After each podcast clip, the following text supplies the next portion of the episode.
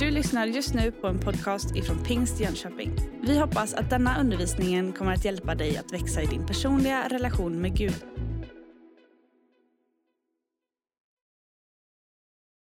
Idag är ju en alldeles strålande dag. Visst är det? Det är ju nästan så att det är sommar. Igår eftermiddag så satt vi på altanen och grillade utomhus i bara skjortärmarna. Det är nästan svårt att komma ihåg att det är bara några veckor sedan som snön fortfarande låg. Visst är det märkligt? Så där bara så glömmer man bort och så är allting sommar och sol.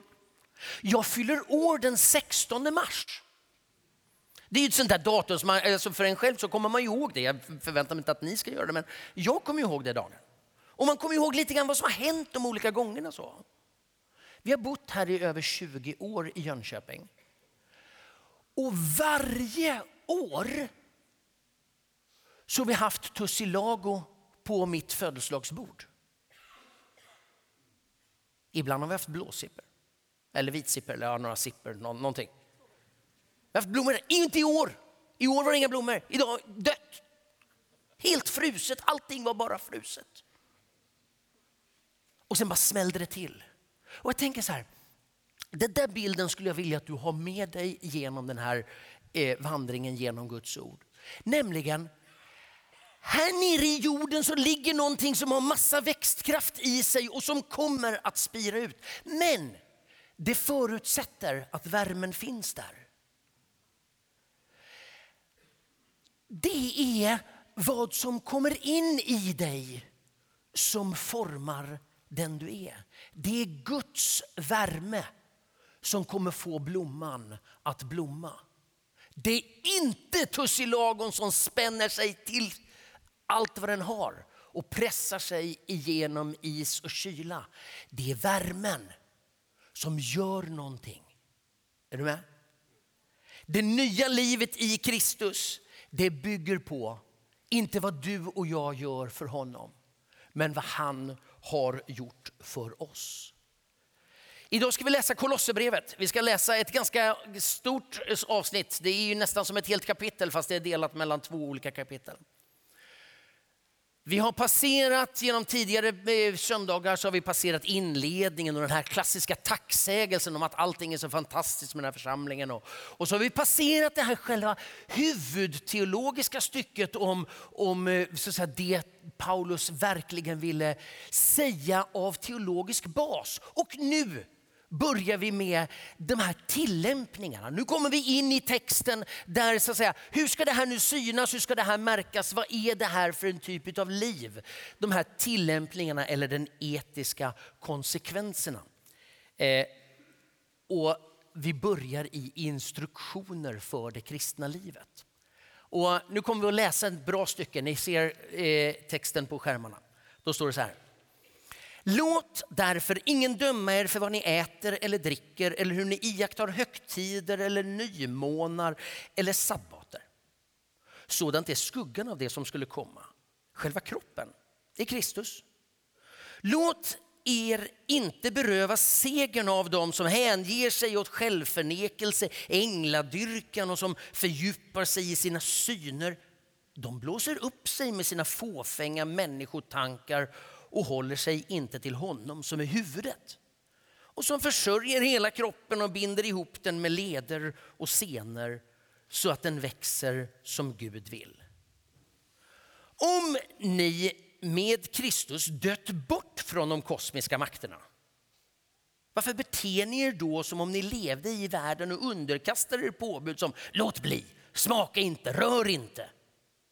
Det gäller ju saker som ska förbrukas och upplösas och är bara människobud och läror. Låt vara att det kallas vishet eftersom det ser ut som fromhetsövningar, självförnekelse och späkningar, förakt för kroppens behov. Om ni alltså uppstått med Kristus, sträva då efter det som finns där uppe, där Kristus sitter på Guds högra sida. Tänk på det som finns där uppe, inte på det som finns på jorden. Ni har ju dött och ni lever ett osynligt liv tillsammans med Kristus hos Gud. Men när Kristus träder fram, han som är ert liv, Då ska också ni träda fram i härlighet tillsammans med honom. Ljug inte för varandra. Ni har ju klätt av er den gamla människan och hennes vanor och klätt er i den nya som förnyas till verklig kunskap och blir en bild av sin skapare. Då är ingen grek eller jude, omskuren eller oomskuren, barbar, skyt, slav eller fri. Nej, Kristus blir allt och i alla. Som Guds utvalda, heliga och älskade ska ni alltså klä er i innerlig medkänsla, vänlighet, ödmjukhet, mildhet och tålamod. Ha fördrag med varandra och var överseende om ni har någon, något att förebrå någon. Liksom Herren har förlåtit er ska ni förlåta. Men över allt detta ska ni ha kärleken, det band som ger fullkomlighet. Låt Kristi frid råda i era hjärtan. Den som ni kallades till som lemmar i en och samma kropp. Visa er tacksamhet. Låt Kristi ord bo i er i hela sin rikedom med all sin vishet. Lär och vägled varandra med salmer, hymner och andlig sång i, kraften av nå, i kraft av nåden. Och sjung Guds lov i era hjärtan. Låt allt ni gör i ord och handling ske i Herren Jesu namn och tacka Gud Fadern genom honom. Så lyder Guds ord i det här stycket. Och egentligen, det här är ju nu lite personlig reflektion här. Ibland när man förbereder predikan så blir man ju så otroligt upptagen av alla sina egna ord. Och jag ska säga det här och jag ska ha den här formuleringen. Och grunden i all kristen förkunnelse, det är inte våra ord om Gud. Utan det är Guds ord till oss. Därför känns det rätt bra att läsa ett rejält stycke och egentligen skulle jag kunna sätta mig nu för det här är rätt innehållsrikt. Men låt mig säga några korta saker eh, om det här. En liten sån här petighet, jag vet inte om ni tänkte på det alldeles i början, den första meningen. Nu har ni hört många meningar, men vad, den allra första meningen. Då står det så här, låt därför ingen. Det här lilla ordet därför det tänker man ju så här, det kan väl inte vara så viktigt? Ja, men det är ju otroligt viktigt för det här sammanhanget. När säger vi därför i det svenska språket? När använder vi det? Vi använder ju det när det är någonting som händer här och så förklarar man och så berättar man och sen kommer man hit. Därför så ska du göra det här. Därför syftar ju tillbaka till det som kom innan. Det här lilla ordet därför styr hela förståelsen av det stycke vi har läst. Man skulle mycket väl kunna läsa det här stycket som en lång lista på regler som den kristne ska följa. Du ska inte göra så, du ska göra så, du ska tänka så, du ska vara sån. Du ska... Det är inte det det här handlar om. Varför? Jo, därför att det står ett därför i början av texten. Och det är helt avgörande. Låt därför, därför styra tolkningen av hela texten. Och varför det här därföret då? då? Jo, därför att det syftar tillbaka. Och sen påverkar det hela fortsättningen. Tänkte du på att i allra första stycket, eller första stycket, låt därför ingen. Och sen i vers 20 så säger om ni med Kristus. Är ni med? Alltså, det vi nu pratar om det har sin förankring här borta i någonting annat som kom innan därför. Och så återupptar han det. Om ni alltså har uppstått, alltså det vi tänker och pratar om nu, när det handlar om hur vi ska leva, tänka och vara, det har ju sin förankring där borta. Och så avslutas hela stycket genom honom. Så om du inte kommer ihåg någonting annat från den här förkunnelsen, Från den här gudstjänsten hoppas jag att du framför allt kommer ihåg det som hände där borta. Men om du inte kommer ihåg något annat från den här förkunnelsen, så kom ihåg därför. Är du med? Därför som förankrar hela vårt sätt att tänka och vara i det som hände innan oss och innan vi hade bidragit med någonting. Vad händer då innan den här texten? Ja, det var ju den förkunnelse vi hade förra veckan. Så den ska jag inte repetera. Men bara, bara för att liksom komma ihåg vad det är vi pratar om. Jo, där i texten innan, som därför syftar på, så har vi en av Bibelns starkaste beskrivningar av vad Gud har gjort för oss i Kristus. Därför har ni blivit det ni är. Ni har fått er nya tillhörighet. Och med Bibelns språk så, så används bilden av omskärelsen här. Bli inte alltför oroliga, eh, för vi tänker att, att det där är, åtminstone för oss, ett bildspråk. Okay? I honom har ni och sen går det vidare. Genom tron på kraften hos Gud. Och sen går det vidare. Gud har gjort oss levande. Och så kommer den här textraden som jag tror att många av er känner igen. Han drog ett streck över det skuldbrev som belastade oss med lagens krav. Han utplånade det när han förlåt, förlät oss alla våra synder. A sinner saved by grace sjöng vi för en stund sedan, eller inte vi.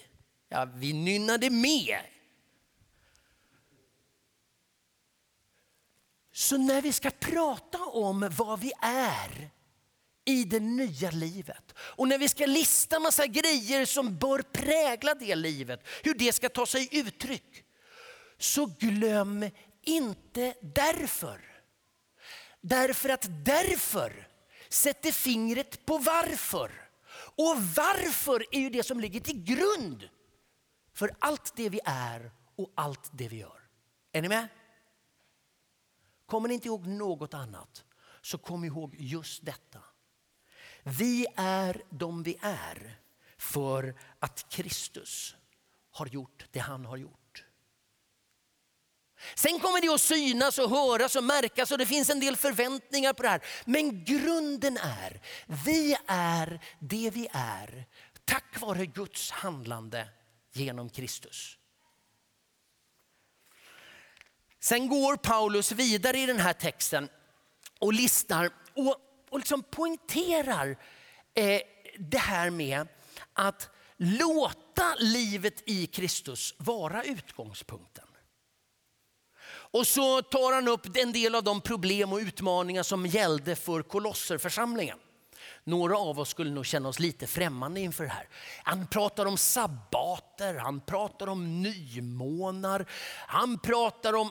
Och så listar han grejer som traditionen hade byggt in i tiden som de levde i och kulturen som de levde i.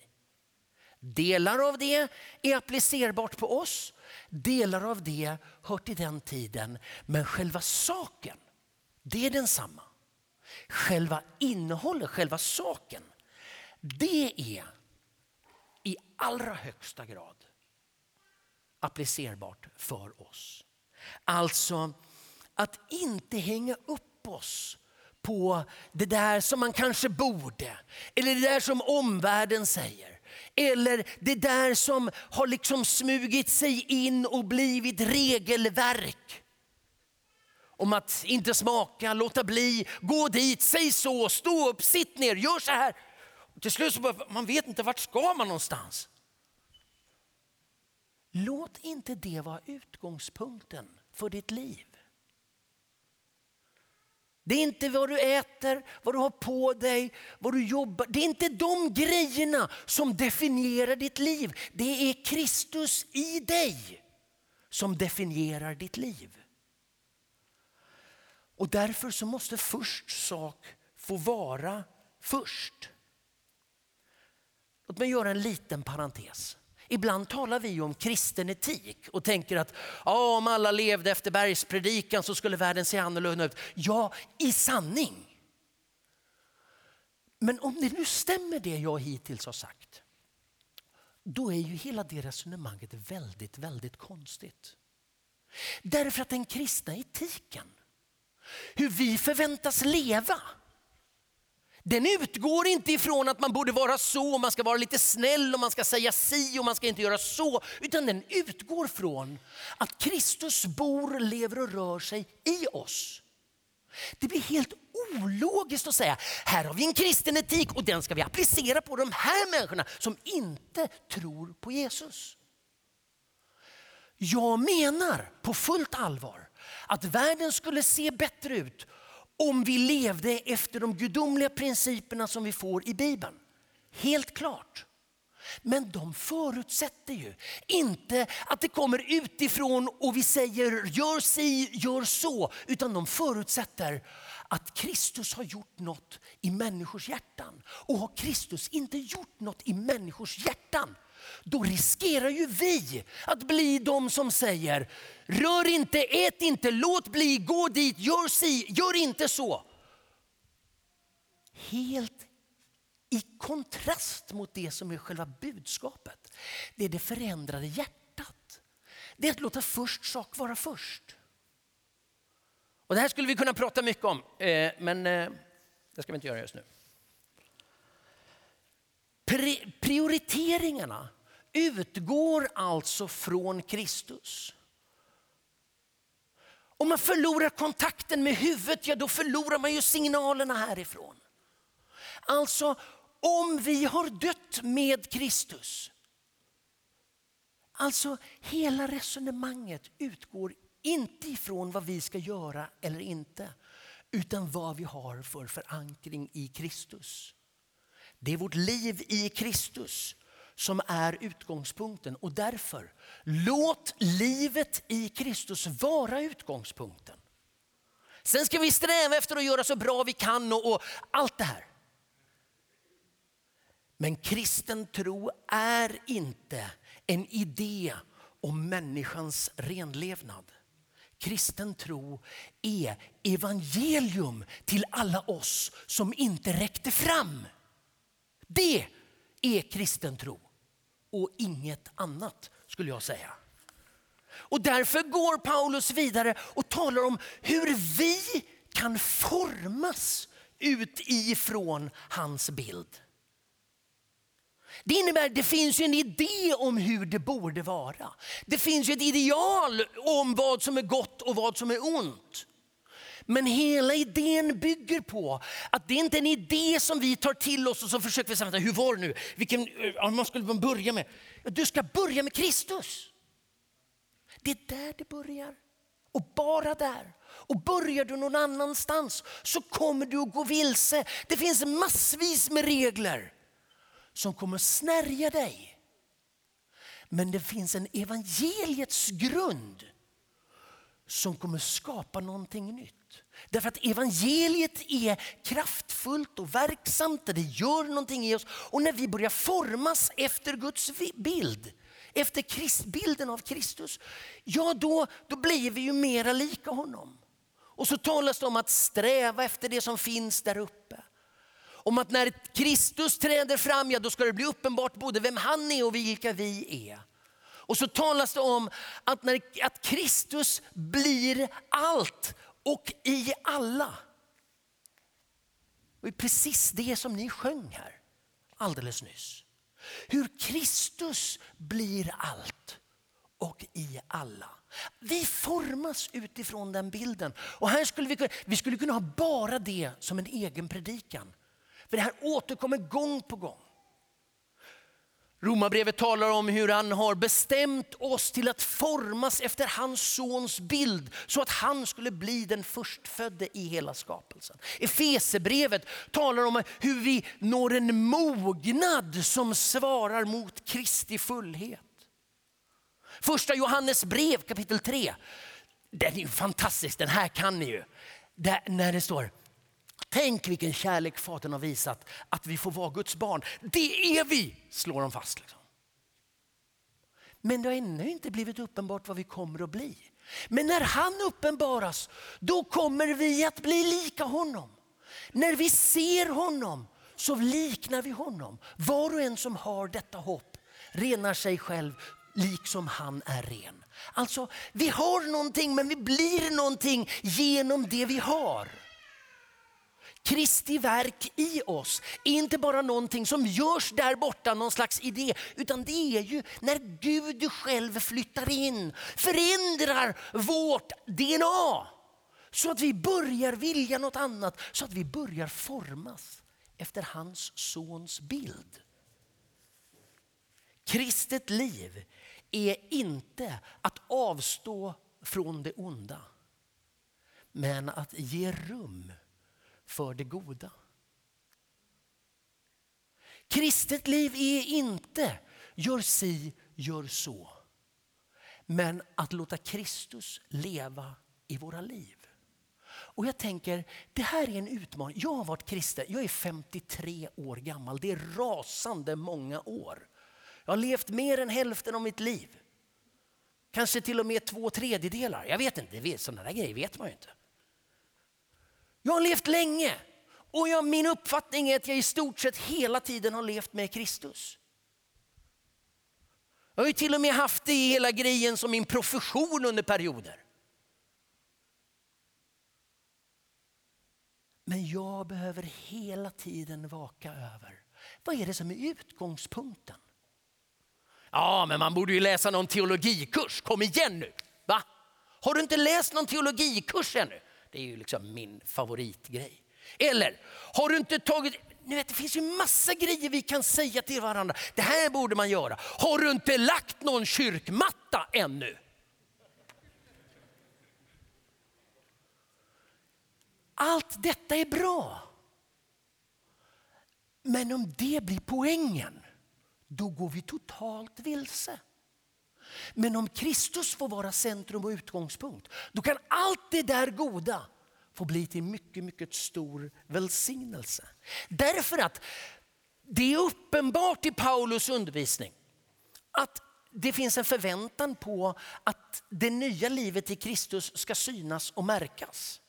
Det är inte så att han säger, skönt att du blev kristen så att du har en trygghet för framtiden. Nu har du din biljett till himlen, nu kan du slappna av, gör som du vill. Det är inte det evangeliet säger. Utan evangeliet säger, nu har du fått ett nytt liv inom dig. Det livet kommer att märkas. Och ska man följa en teolog som typ Wesley, då skulle han ju säga, och märks det inte, ja då måste man ju verkligen börja fundera över, var det något liv? Eller Om det aldrig märks, vad var det då? Och det här är ju superviktigt. va?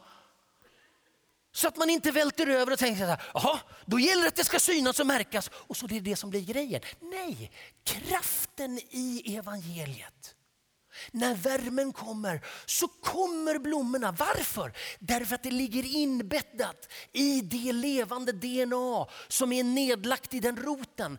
Det är inbäddat i ditt levande DNA som nyfödd i Kristus att det nya livet ska synas.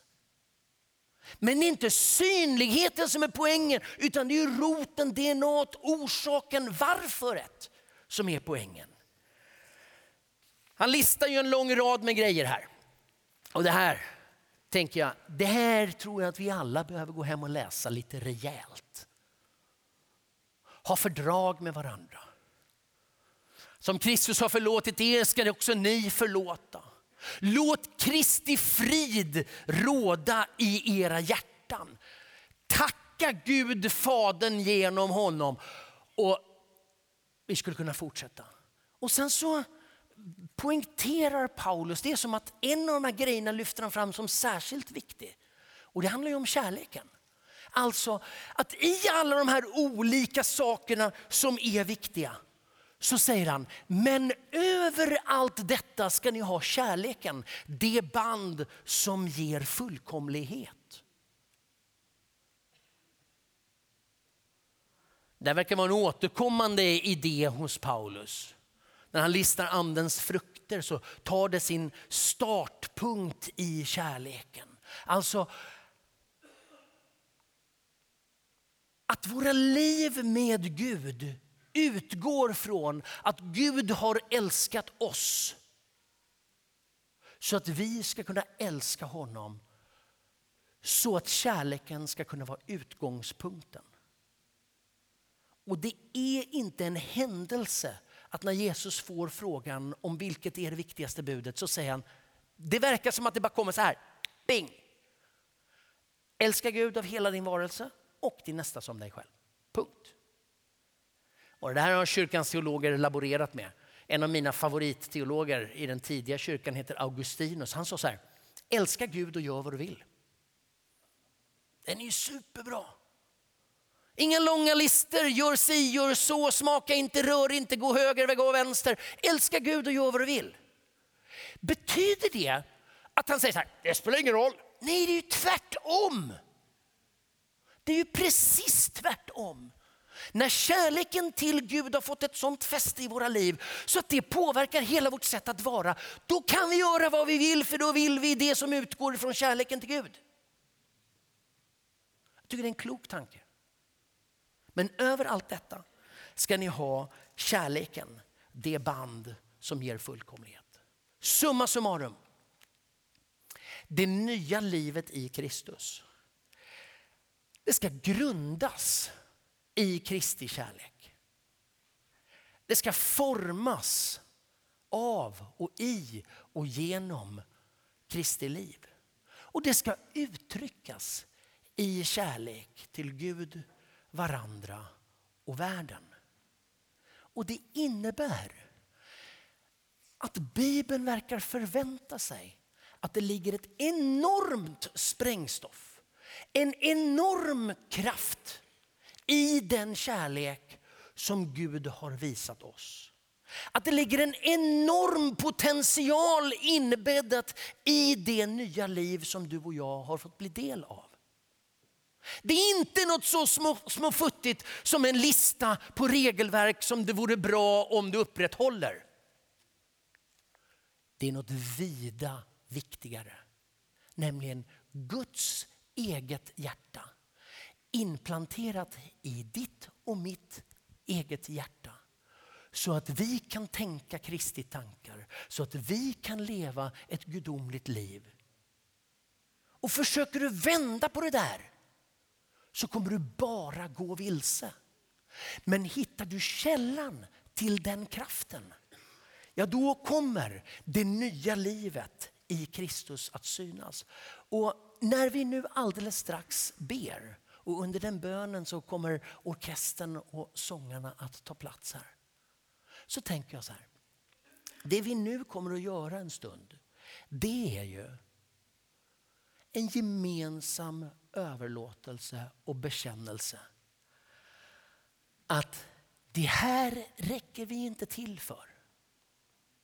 Men en djup tilltro till att i Kristus, genom Kristus, så räcker han till i oss.